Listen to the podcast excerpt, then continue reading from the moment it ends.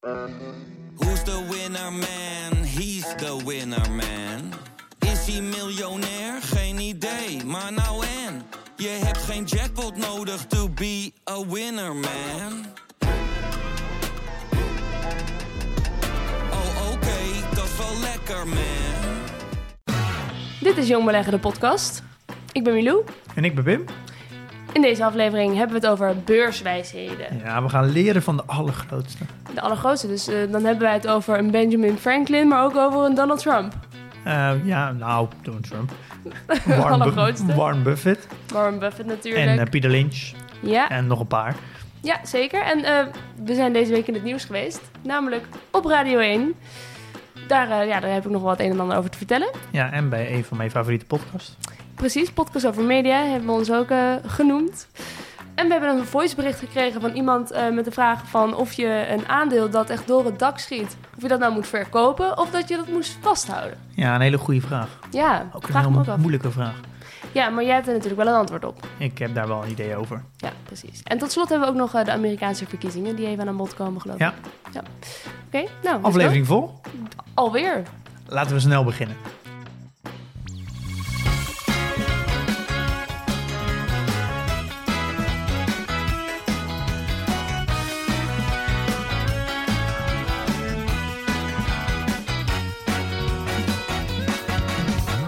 Je hebt, eh, ik zag een foto voorbij komen van dat je mijn wijn aan het drinken was. Ja, ik heb jouw heerlijke Italiaanse wijn gedronken. Ja, en je hebt spijt dat ik er niet meer had meegenomen, toch? Ja, ik had toch wel een, een doosje willen hebben eigenlijk. Ja. Heel, le- heel lekker wijntje. Ja, ik, we waren wel met de auto, dus jammer dat ik niet gewoon dat ding heb volgegooid inderdaad. Ik heb er achteraf ook wel spijt van. Ja, als je weer een keer in de buurt bent, dan... eh, Fijn dat hij lekker was.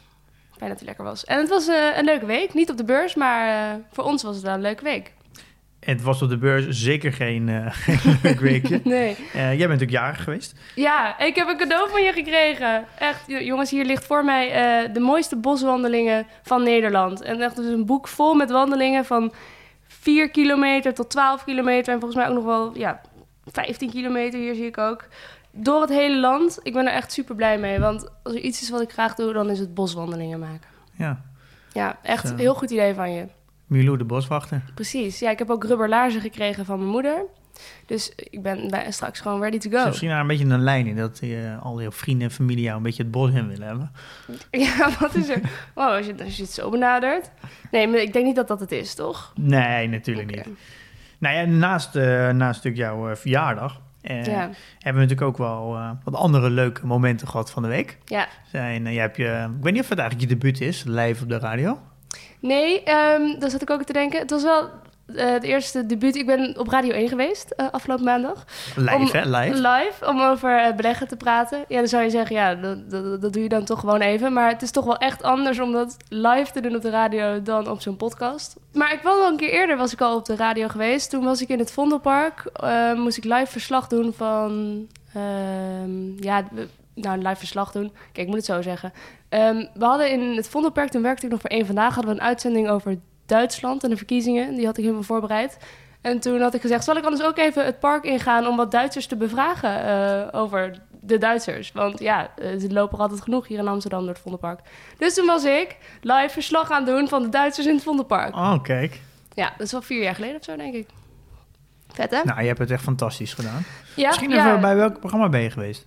Stax en Twan. Dat zijn dus Dion Stax en Twan van Peperstraten. En ja, eh, het was echt heel leuk om te doen. Ik mocht van alles vertellen over, eh, over de podcast en over nou ja, waarom eh, steeds meer jongeren gaan beleggen.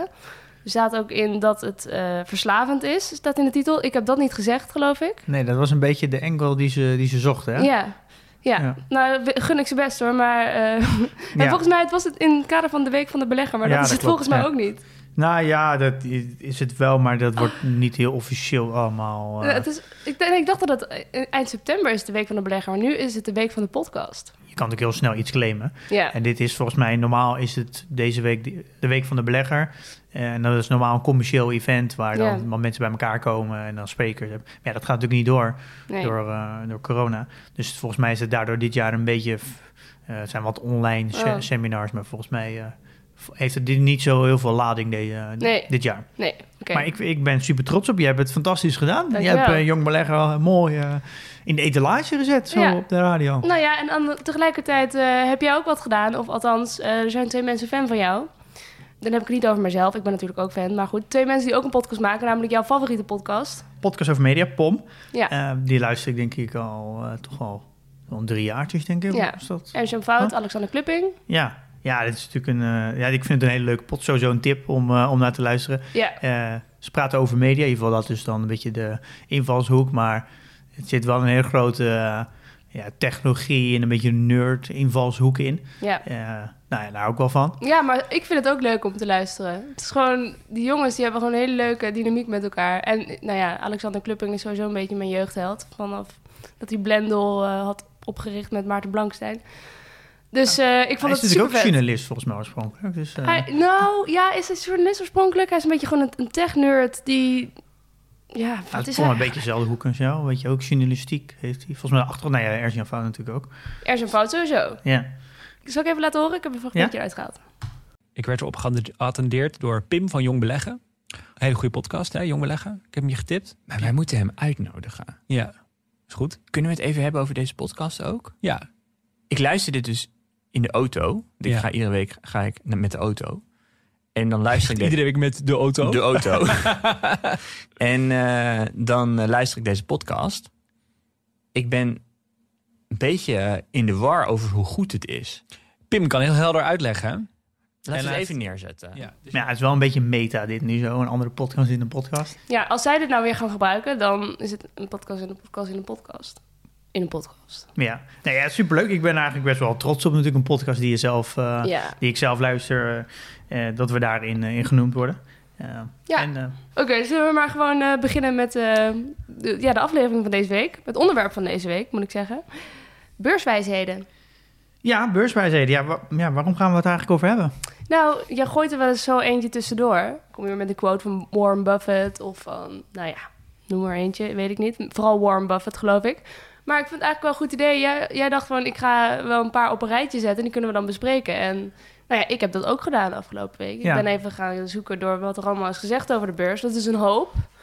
Maar ik heb toch een leuke selectie gemaakt. Ja, leuk. Ja, dit wordt natuurlijk die quotes en beurswijsheden die vliegen soms om je oren. Helemaal eh, bij speciale gebeurtenissen. Dan wordt er vooral in, eh, in ook het nieuws eh, wordt er snel een quote weer bij gehaald. Ja, Het is altijd een beetje, hoe kijk je nou tegen quotes aan? Soms een beetje eh, afgezaagd. Maar ik denk wel, als je naar beurswijsheden, zoals quotes gaat kijken die al 20, 30 jaar bestaan of langer, Mhm. dan zit er altijd wel een, een hele duidelijke waarheid in. Want als het zo'n lange tijd heeft overleefd, ehm, dan is er toch, zit daar toch wel een les in. Heeft het dan Ja. destijds het doorstaan? ja, het is een beetje hetzelfde met boeken, denk ik. Je, je kan eigenlijk beter boeken lezen die 10, 20 jaar oud zijn. Want als ze op dat moment nog steeds eh, bijgedrukt worden, dan weet je van zeker dat een, een theorie in dat boek zit dat Ja. eh, heel lang eh, overleeft. En dat is natuurlijk met beurswijsheden ook. Daarom zie je ook vooral heel veel wijsheden van mensen die al zijn overleden. Of, of wel heel oud zijn. En vooral van een beetje de nieuwe generatie investeerders. Ja. Ehm, bijvoorbeeld, Ja. je gaf aan over, kan je niet eens kijken naar Katie Woods? Ja, ik Ehm. weet dat jij zo'n fan bent van, van Katie Woods. En toen jij je lijstje stuurde met wijsheden, dacht ik, hé, ze staat er helemaal niet tussen. Nee, ja, omdat zij natuurlijk nog niet zo heel lang bekend is. Eh, Nee. Misschien heeft ze wel zo al een hoop wijsheden al verteld, maar dat dat nog niet echt is opgepakt, omdat het nog, er moet nog tijd overheen gaan om dat, ja, om dat, waarde, om dat waarde te geven, denk ik. Ja. Het leuke is, als je er zo naar aan het kijken bent, dan ga je er ook wel patronen in herkennen. Hoe bedoel je? Ik heb natuurlijk heel veel gelezen de afgelopen week. Ja. Ik ken natuurlijk ook heel veel. En, ja, en eigenlijk in alle quotes zit eigenlijk wel een, een rode lijn. Je kan ze allemaal aan elkaar verbinden. Oké, dus, ze spreken, dus het is niet dat je dingen bent tegengekomen waarvan je ziet van dit spreekt elkaar wel heel erg tegen. Nee, eigenlijk niet. Nee. Ik zou wel durven zeggen, als je alleen maar de beurswijsheden en gaat lezen, dat je zelfs daar wel een bepaalde strategie en een, en een idee van belegger uit kan destilleren, Hmm. zonder dat je kan beleggen, denk ik. Ja, precies. Nou ja, maar we gaan dus eigenlijk een beetje tussendoor lopen en kijken van, van ja, waar komt het vandaan? En klopt het eigenlijk nog ook wel wat te zeggen? ja, en denk ook wel het leuk, wat kunnen we ervan leren? Wat, Ja. en wat hebben we eraan? Wat heb jij er misschien nog Ja, aan geleerd? zodat, zodat ik en jij een betere belegger worden. Oké. Wil jij beginnen? Eh, ja, dat is goed. In this business, if you're good, you're right six times out of ten. Ehm, Oké.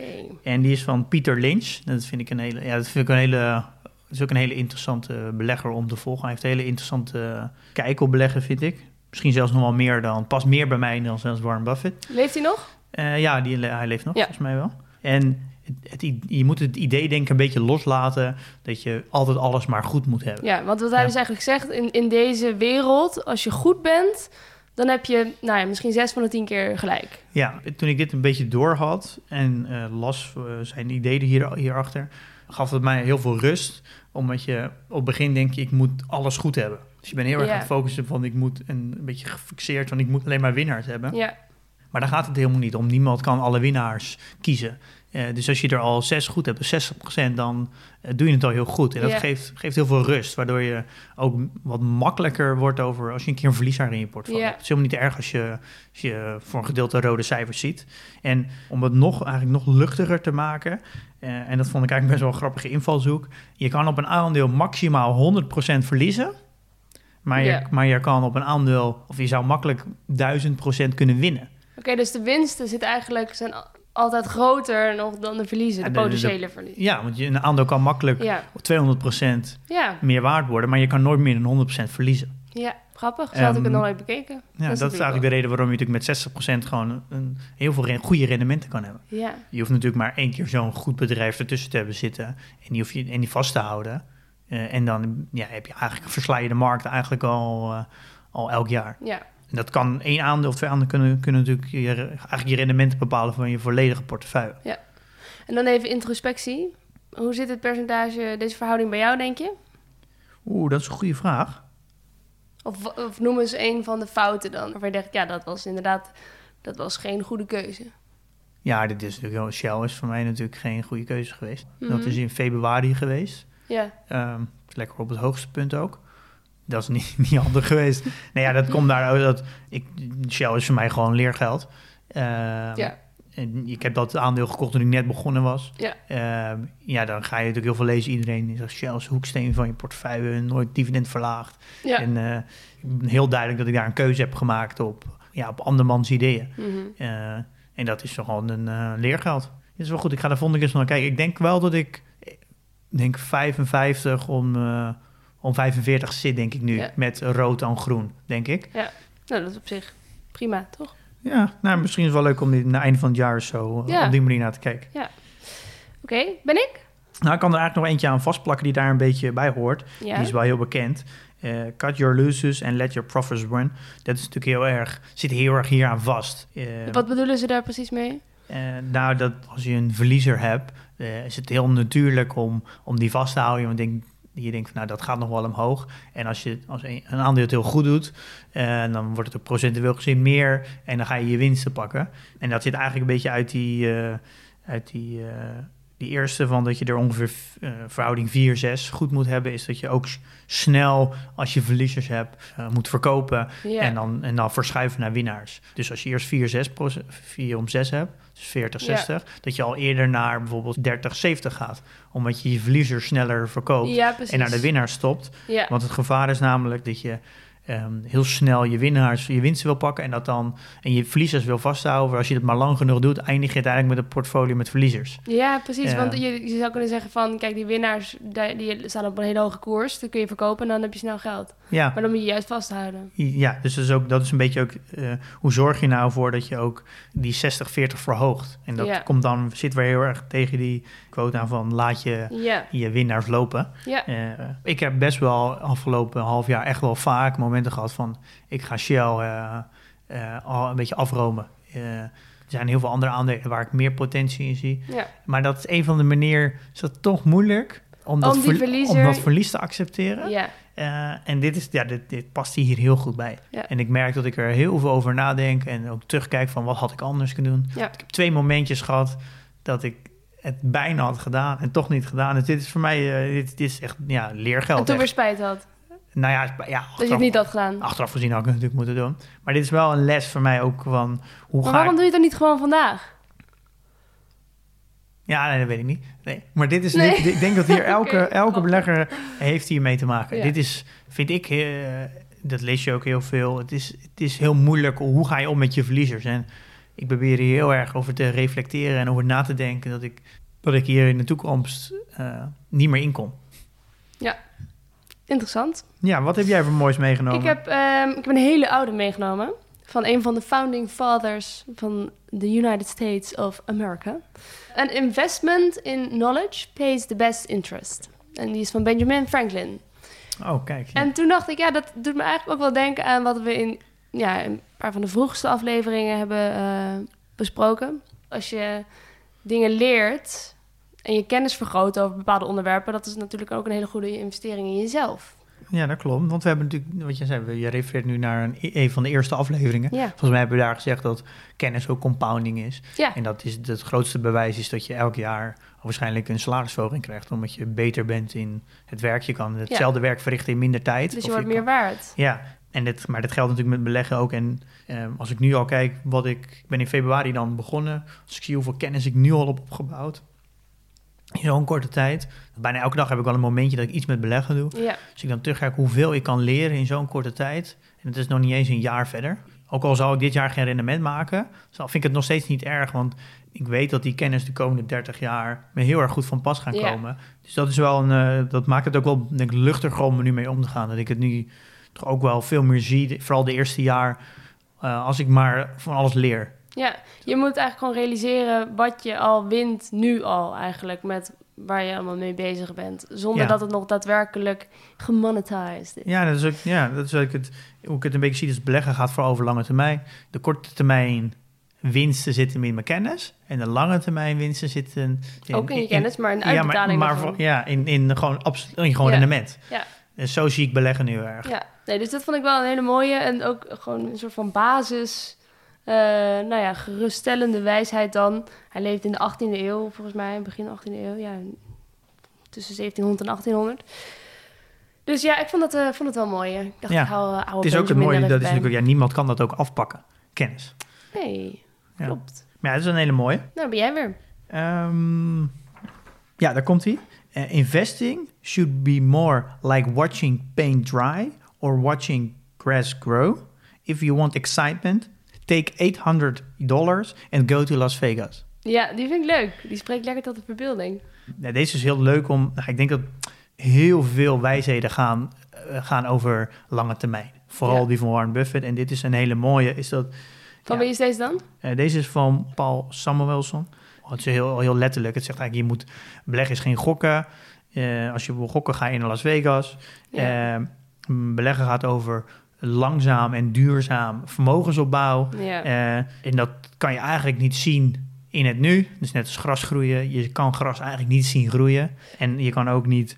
Ja, nu hebben we al tegenwoordig hele moderne verf. Maar vooral vroeger, eh, verf kon je niet zien drogen. Olieverf kun je niet zien drogen, nee. Eh, Ja, nee, dus je- het gaat erom dat je gewoon heel veel geduld moet hebben en Ja. niet ook snel resultaat wil zien. nee, en daarom is ook het idee dat je rendementen gaat vergelijken op, op korte termijn en zo. Dat heeft helemaal geen zin. Nee, Ja, Als je een beetje wil zien of je het beter doet... of je wil vergelijken met iemand of met de markt... dan moet je echt minimaal vijf jaar hebben. ja. Echt, en vaak zeggen ze tien jaar. Eh, en dit vind ik een hele mooie. Dus ook weer een, ja, ook een goede om te onthouden dat, ja, dat, dat het vermogen creëer je eigenlijk gewoon op lange termijn. Mhm. Eh, en dat is, gaat dus heel langzaam. ja. Eh, Nou ja, ik denk wel, je hebt, maar dat is misschien gewoon een heel ander soort beleggen. Kijk, je kan natuurlijk een daytrader zijn en dat je elke dag met aandelen in de weer gaat en op het hoogste moment verkopen en op het laagste moment. Maar dat is niet onze stijl. nee, ja, dat is, maar dat is natuurlijk een, handelen. En Ja. dat is natuurlijk actief. Ik vind persoonlijk dat beleggen passief is en handelen is actief. Ja, En dan heb je natuurlijk in beleggen heb je losse aandelen en ETF's. En de mensen die ETF's doen, die vinden losse aandelen actief. Ja, ik vind het zelf van niet. Ik, vind, ik, ja, ik heb dan losse aandelen, maar ik kan nog steeds eh, daarnaast gewoon werken. ja. Ehm, Maar het grappige is wel, ik denk dat dit, het beeld van die, die, die handelaar, die actieve belegger, dat was gewoon mijn hele beeld van beleggen voordat ik ermee begon. Dus ik dacht, je moet echt heel veel weten en precies weten wanneer je moet kopen en moet verkopen. Dat realiseerde ik me ook in dat gesprek op Radio 1. Ik dacht van, dat was mijn beeld van beleggen. ja, En daarom ga je dat niet doen, want dat kan ik helemaal niet, denk ik. Maar dat kan niemand. Dat is bijna niemand. Het is gewoon heel erg moeilijk. Ja, dat, maar daar zijn computers veel beter in. Dus eh, volgens mij Ja, heb je wel, lees je wel eens dat 80, 90 procent van de handelaren Ja. Verlies maakt. dit weerhoudt mensen ervan om te gaan beginnen met beleggen. Ja, dat klopt. Ik denk ook als je een, een fotootje van eh, beleggen ziet, dan wordt er vaak een eh, mannetje met, een, eh, met zijn eh, grafiekjes en zo. En zo'n zo'n heel, veel schermen. Dus dan wordt een handelaar laten zien. Ja, Eh, het is een beetje hetzelfde als het gaat over een hacker. Dan wordt er zo'n eh, zo'n jongen in een hoodie. eh, ja of en als het gaat over onderzoek, dan zie je een laboratorium met Ja, pipetjes. het en, zijn, eh, zijn, en daardoor wordt denk ik wel heel erg een bepaald beeld geframed. Ja. Ehm, en maar dat is denk ik het mooie aan beleggen, is dat, je, ehm, dat het passief is. Ik denk dat is de kracht ook van beleggen, dat je ondertussen gewoon door kan gaan met je leven. ja. Maar daarnaast ook nog vermogensopbouw eh, doet, zonder dat je daarvoor uren hoeft te geven. En ik denk dat dat eh, voor iedereen gewoon, ja, gewoon goed is. Ja. En dat is denk ik het mooie aan beleggen, dat het gewoon passief is. ja, dat vind ik ook wel chill eigenlijk. Ehm, zullen we er allebei nog eentje doen? Want ja, we hebben er veel meer uitgezocht. Maar ik denk dat we dan eh, nou, nog wel een uur kunnen zitten. Ehm, ja, nee, is goed.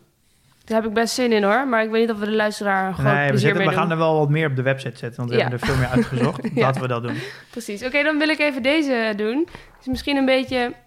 Ja, ik weet niet of je het echt een beurswijsheid kan noemen... maar ik moest er meteen aan denken toen we het gingen hebben over beurswijsheden. Ehm, er is een film uit 1987.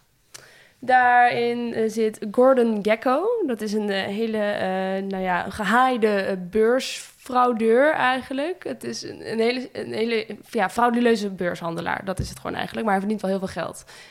Ehm, en die geeft een speech ten overstaan van, nou, wat is het, de Amerikaanse regering. Ehm, waarin hij heel erg opkomt voor de aandeelhouders. En hij zegt eigenlijk dat de regering het, nou ja, verantwoordelijk is voor de economische crisis daar in de jaren 70.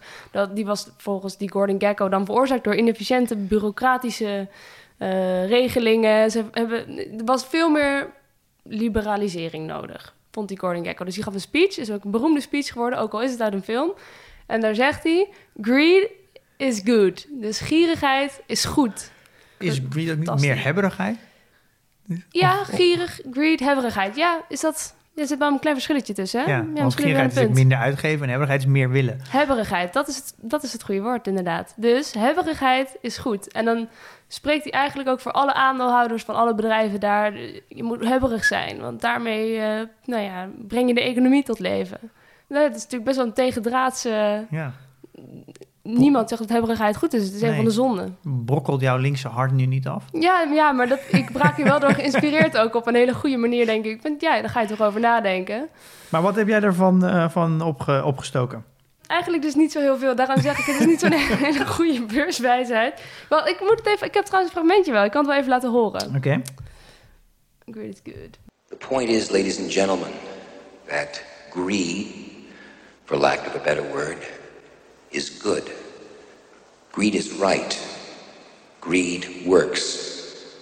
Greed clarifies, cuts through, and captures the essence of the evolutionary spirit. Greed in all of its forms. Greed for life, for money, for love, knowledge, has marked the upward surge of mankind, and greed, you mark my words, will not only save Teldar Paper, but that other malfunctioning corporation called the USA.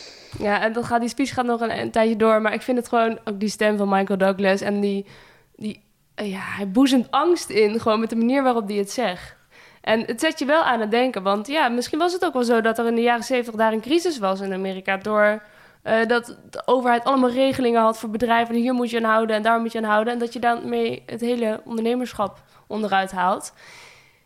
Ik denk dat het zet je wel gewoon aan het denken over hoe die verhouding zou moeten zijn. Ja. Tussen hoe vrij kun je bedrijven laten en hoeveel regels moet je daar tegenover zetten. Ja, nou, ik denk dat Amerika hierop gebouwd is natuurlijk. Op greed is good, ja. Ja, dat is, wel. dat is het grappige aan, vind ik, als je, als je aan een gemiddelde Amerikaan vraagt, vind je niet dat er meer belasting betaald moet worden, dat er een meer een vangnet komt. Zelfs als je het aan een gewone Amerikaan vraagt, dan is het antwoord vaak altijd nee, ook al hebben ze dat eigenlijk nodig. Ja. Eh, maar dat, dat idee dat zij zelf een keer een succesvol bedrijf opzetten of in één keer veel geld hebben. Zelfs al heb je bijna niks, heb voelen ze altijd de potentie dat ze dat toch zouden kunnen bereiken. En dan het idee dat je dat dan moet afstaan, dat, dat zit zo niet lekker. Ja, Waardoor ze liever hebben dat, ze, dat het zo blijft. precies. Ja, En dat is pure de- zelfoverschatting eigenlijk. Ja, maar ook wel een beetje dat, dat eh, hoe de, denk ik ook hoe, hoe de opvoeding is en hoe scholen daarmee omgaan. Dat je, dat, ja, een beetje de American dream, hè, de sky is the limit. Je kan, in Amerika kan je alles creëren, zelfs al kom je uit de goot. En dat is natuurlijk een hele andere instelling die, eh, die dan vooral in Europa is. Dat vind Ja. ik al heel erg Over het opvallend. algemeen wel, inderdaad. Ja. Ja. ja, wij willen bijna afhankelijk zijn van de staat. Ja, Ja, ik vond het wel interessant en gewoon een leuke quote ook. En ja, gewoon meteen een filmtip er maar bij. eh, Wall Street uit 1987. Ja, ik heb even gekeken, staat helaas niet op Netflix. Ik heb hem zelf ook Nee. nog niet gezien. Nee. Maar even kijken of ik op een eh, andere manier, eh, ik weet niet precies waar die staat. Ik ook niet. Er zijn zoveel streamingdiensten tegenwoordig. Je kan in ieder geval de speech luisteren op YouTube. Ah, Oké, nou, misschien gewoon moeten die ook even op de website erbij zetten. Dat zal ik doen.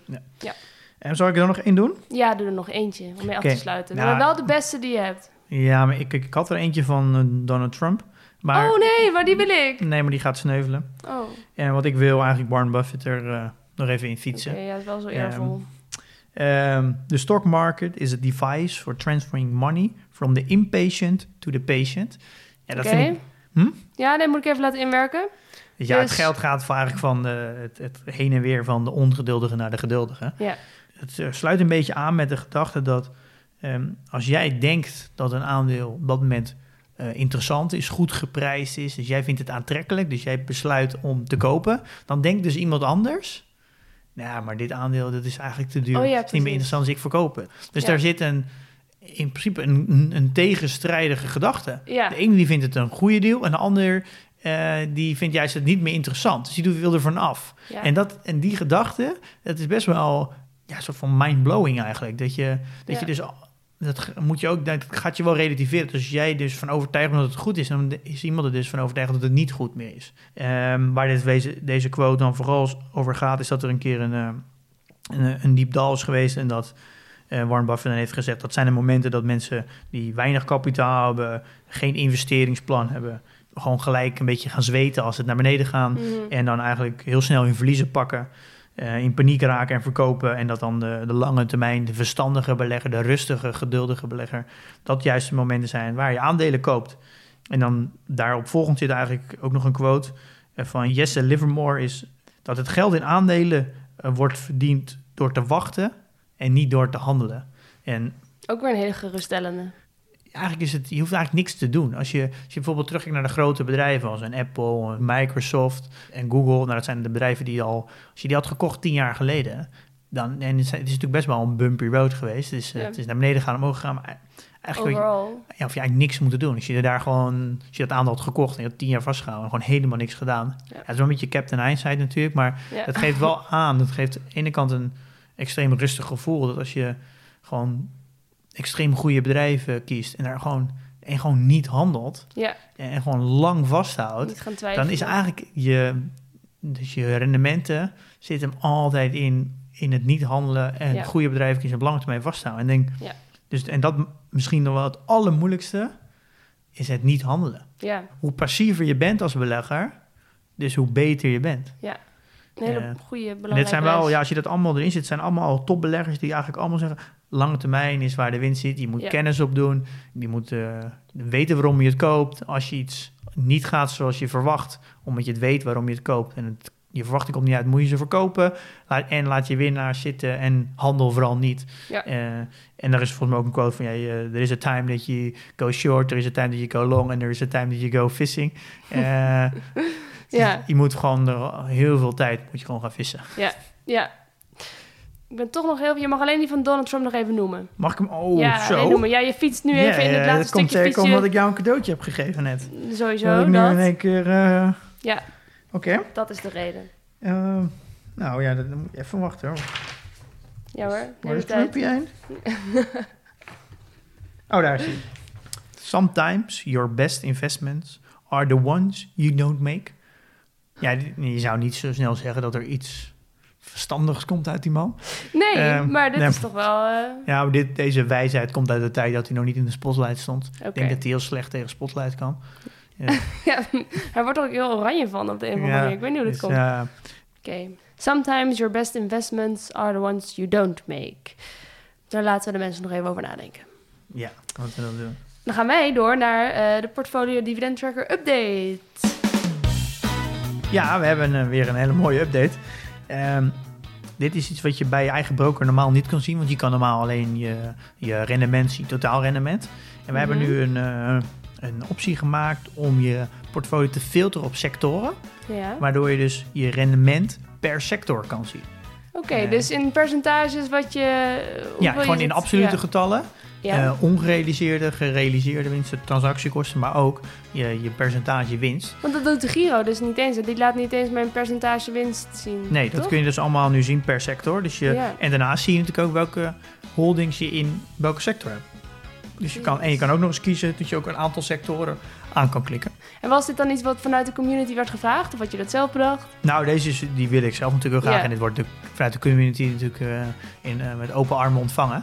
En want het is gewoon heel interessant om te zien welke sectoren, überhaupt welke bedrijven je in welke sector hebt zitten. Dus hoe is de verdeling? Ja. Zie je ook een percentageverdeling, zie je ook. Ja, Eh, en hoe, maar ook hoeveel rendement je dus per sector hebt. ja. En is dat dan puur interessant of kan je daar ook nog iets mee verder? Is dat iets waarop je gaat handelen of...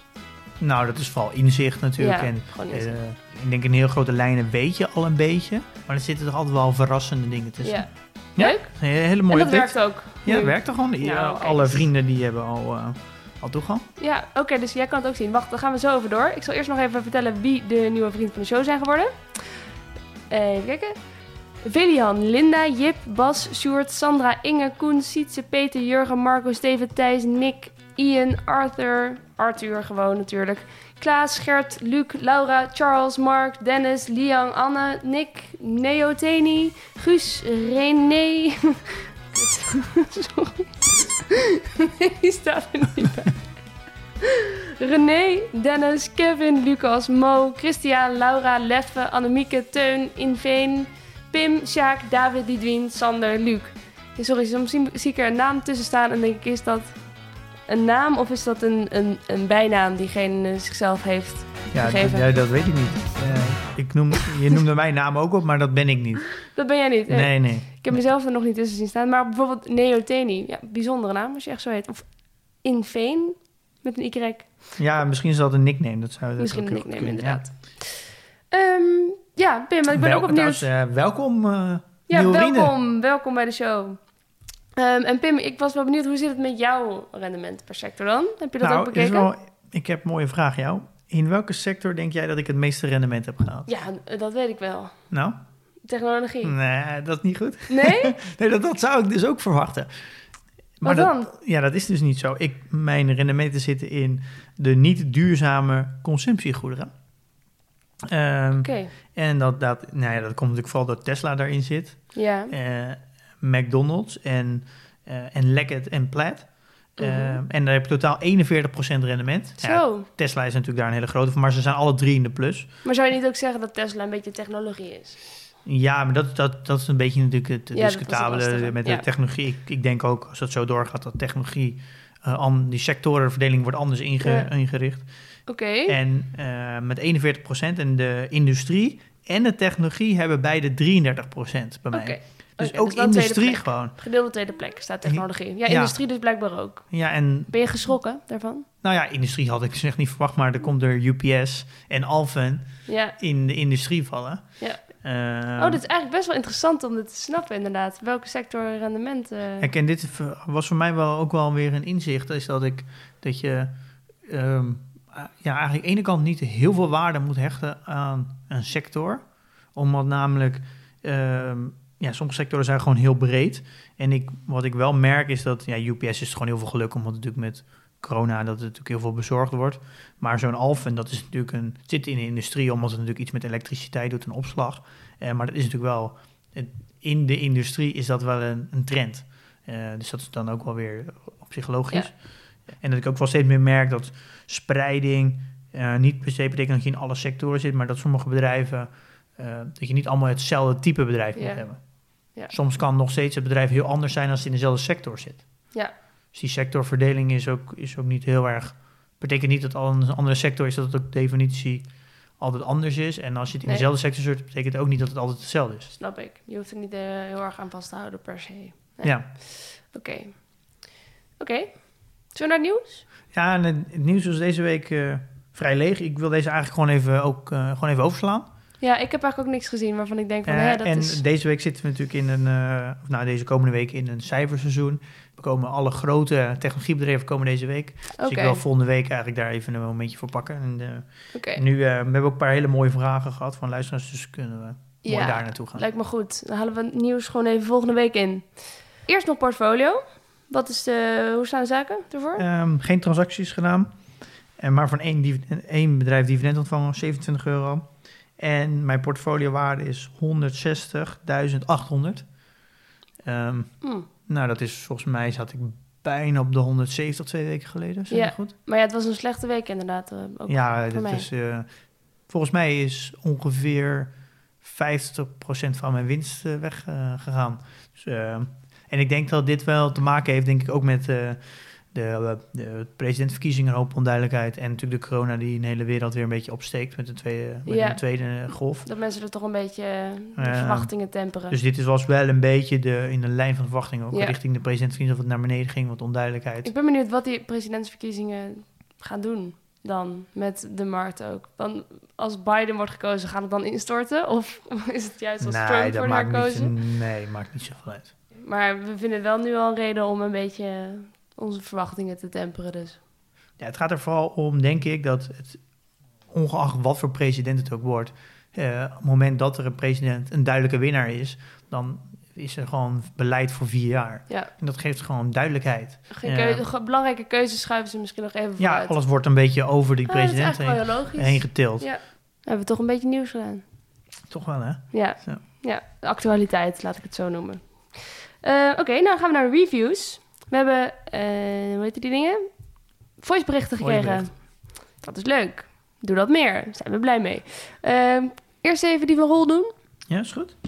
Hoi Pim en Milou. Normaal eh, koop ik net als Milou altijd op de eerste de S&P 500. Ehm, alleen nu zijn er, zoals je weet, eh 3 november de verkiezingen. Denken jullie dat het slim is om eh, eventjes te wachten met het aankopen van eh, dit Amerikaanse, deze Amerikaanse ETF? Dankjewel. Oh, nou hier had ik helemaal eh, niet bij stilgestaan. Moet ik hierbij stilstaan dat die Amerikaanse verkiezingen eraan komen? Nou ja, ik, ja, ik zou gewoon zeggen, als je in een ETF belegt eh, en je doet het maandelijks, ga alsjeblieft niet timen. Want je kan natuurlijk twee theorieën op loslaten. Eén kan zeggen, ja, ik denk juist richting de verkiezingen gaat er onzekerheid ontstaan, waardoor het naar beneden gaat. Ja, En het moment dat de uitslag heel erg duidelijk is, dus bijvoorbeeld eh 70%, 80% voor één iemand, ja, dan is het op dat moment is er, komt er duidelijk uit. Ja. En dan gaat het, denk ik, kan het meer omhoog gaan. Ik zou gewoon zeggen, helemaal met de ETF's, koop gewoon lekker elke maand. ja. Maar toch een goede vraag. Want het zet mij ook aan het denken. Maar dit is Ja. het antwoord. Helder. Nog eentje doen? Ja, is goed. Hey Pim en Milou, Marciano hier. Ik heb een aantal techgroeiaandelen gekocht en een van deze aandelen, die van Snap, zijn in de afgelopen weken ineens 53% meer waard geworden. Aan de ene kant denk ik dat ik hier niet naar om moet kijken. Deze sprong had namelijk vooral te maken met hun kwartaalcijfers. En ik denk dat het bedrijf qua technologie nog veel meer in petto heeft. Maar ik had me eigenlijk ook voorgenomen om, wanneer een aandeel 20% meer waard is geworden, je eigenlijk je winst zou moeten pakken en het dan later weer kan terugkopen wanneer het een dipje heeft. Hoe zouden jullie precies omgaan met zo'n situatie? Nu verkopen en later weer terugkopen of gewoon afblijven en niet verder naar omkijken? Oh ja, en heel erg bedankt voor het maken van de podcast. Ik luister de hele dagen door naar podcast en kan zonder blik of blozen zeggen dat die van jullie toch wel het meeste impact heeft gemaakt op mij dit jaar. Ga zo door en nog een hele lange tijd zo door. Joep. Oh, dat is echt heel erg leuk. Leuk, hè? Ja, Ja. heel leuk einde. Ja, maar wel, wel een hele goede vraag. Ja, En wat, wat denk jij, Milo? dit weet ik. Want je moet je, je renners laten rennen. En je moet je cut your losses doen. Ja. Dus je, wat, je, zou, eh, je zou zeggen dat je ze zou houden. Precies. Ja. Nou ja, dit is natuurlijk, die- we hadden het hier al even kort over. Dit is een hele moeilijke vraag. Eh, en ik merk het ook in de community. Dit is, we hebben zelfs een onderwerp over de, met de vraag: hoe ga je om met je, je winnaars verkopen? Wanneer doe je dat? En ja, iedereen reageert daaronder. Met, Ja. dat, dat, iedereen heeft daar moeite mee. En dat, dit is ook heel moeilijk. En ik denk maar, ik denk de regel die die heeft, dat die 20% ehm, dan verkoopt, ja, die, die zou ik sowieso loslaten.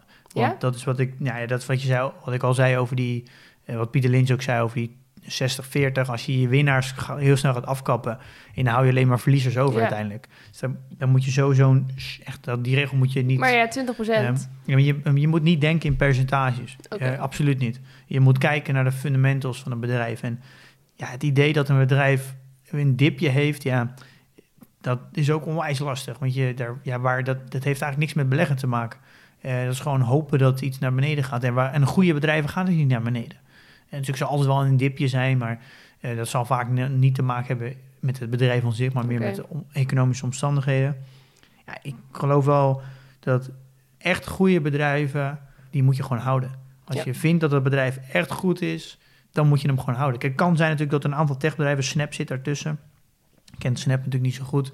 Maar eh, als je ziet dat Snap ongeveer het pad van Facebook gaat lopen, ja, dan moet je het absoluut niet verkopen. Of als je denkt, nou nu tijdelijk door corona heeft het een goede cijfers gemaakt, maar die, die groei kunnen ze niet vasthouden. Ja, dan kan je het er beter vanaf doen. Omdat je dan ziet dat die groei Ja. niet vastgehouden kan worden. Ja. Maar als groei vastgehouden kan worden. Dus eigenlijk de, simpele vraag is, is het een, is het een soort van eenmalige eh, piek, waardoor dus de omzet omhoog gaat, waardoor de koers meegaat? Of is het een trend die ze vast kunnen houden, dus waardoor ze de maand er, of het kwartaal Ja. erop weer die groei kunnen vasthouden? Dat is eigenlijk de belangrijkste vraag die je zelf moet stellen. Ja, je En moet dat- snappen waarom het groeit. Ja, en niet- en- puur en- groei is geen reden om het te verkopen. Nee, en of de groei duurzaam is. Ja. En het, soms kan het zijn dat een, dat is nog denk ik wel een hele goede reden, als Snap bijvoorbeeld, in zijn voorbeeld, relatief te groot wordt, procentueel gezien. Daar kan je dus wel regels aan koppelen. Je zegt, ik wil een aandeel nooit groter dan 5% of 10% van het totaal. Dus dan kan je tegen jezelf zeggen, nou, anders loop ik gewoon een te groot risico. Dan moet je een beetje afromen. Dan room ik wat af naar weer 10% en dat stop ik dan in een ander aandeel waar ik Ja. ook potentie in zie. Goed. Wat gaan we volgende week doen?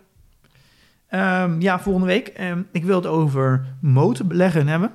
Ja, met de, de slotgracht om het De kasteel. slotgracht. En eh, hoe groter de slotgracht, hoe beter. Ja, Ehm, we gaan even de in, erin duiken in wat is nou een moot? Welke bedrijven hebben een moot? hoe zie je of het een moot is? Ja, eh, maar ik, ik kwam ook nog even de, de blue chip companies tegen. En ik dacht, nou, die kan, kunnen we misschien wel combineren met een aflevering over mootbeleggen. Dus ik wilde denk ik gaan combineren moot en blue chip beleggen. Oké. En een, eh, een, dat is een best wel een bekende term die je denk ik wel vaak tegenkomt. Van als je een beetje eh, Amerikaanse content leest, de blue chip companies. En dat idee kom- komt ervan, van voor mij het spel poker, dat blauw voor mij het, het meeste waard is. En daar komt de blue chip van. Oké, interessant. Ik ben benieuwd. Ik heb nog geen idee wat het betekent, maar eh, ik zal geduldig zijn. Tot de volgende aflevering. Oh ja, en nog een eh, dienstmededeling. Ehm, we hebben ehm, we zijn erop gewezen eigenlijk. Door een, door een, een betrokken luisteraar. Ja, we hebben van een, eh, we hebben van een betrokken luisteraar eh, gehoord dat we wel een beetje moeten oppassen met dat we niet een soort beleggingsadvies gaan uitdragen van ja, jij bent wel eens enthousiast over een aandeel. Eh, Dat zou opgevat kunnen worden als beleggingsadvies. Dat is het natuurlijk absoluut niet, jongens. Eh, dit is geen beleggingsadvies. En dat zeg ik nu alvast. En ik denk dat het misschien ook wel goed is om er gewoon vanaf elke volgende aflevering een soort disclaimertje in te gooien. Ja, dat is ook een heel goed punt. De- Ja. Ik ken alle regels niet, maar mm, je mag geen beleggingsadvies geven. En daar moet je ook officieel papieren voor hebben. De- Ja. Deze hele podcast is geen beleggingsadvies, is voor amusementdoeleinden. Ja, Ik van leg gewoon uit, non-experts. leg uit wat ik doe. Ehm, en helaas moeten wij daar volgens mij in officieel een disclaimertje in bouwen. Ehm, dus dat gaan we misschien in een 1, 2, 3 of 4 seconden zeggen. En dan, dan in elke aflevering even plakken. Ja. Ehm, Daar dekken we onszelf even mee Ja. in. Ja, dan weten jullie dat vast. dat ook weer gedaan. Oké, nou jongens en meisjes. Ja, tot volgende week denk ik. Tot volgende week en eh, investeer in je kennis en beleg met beleid.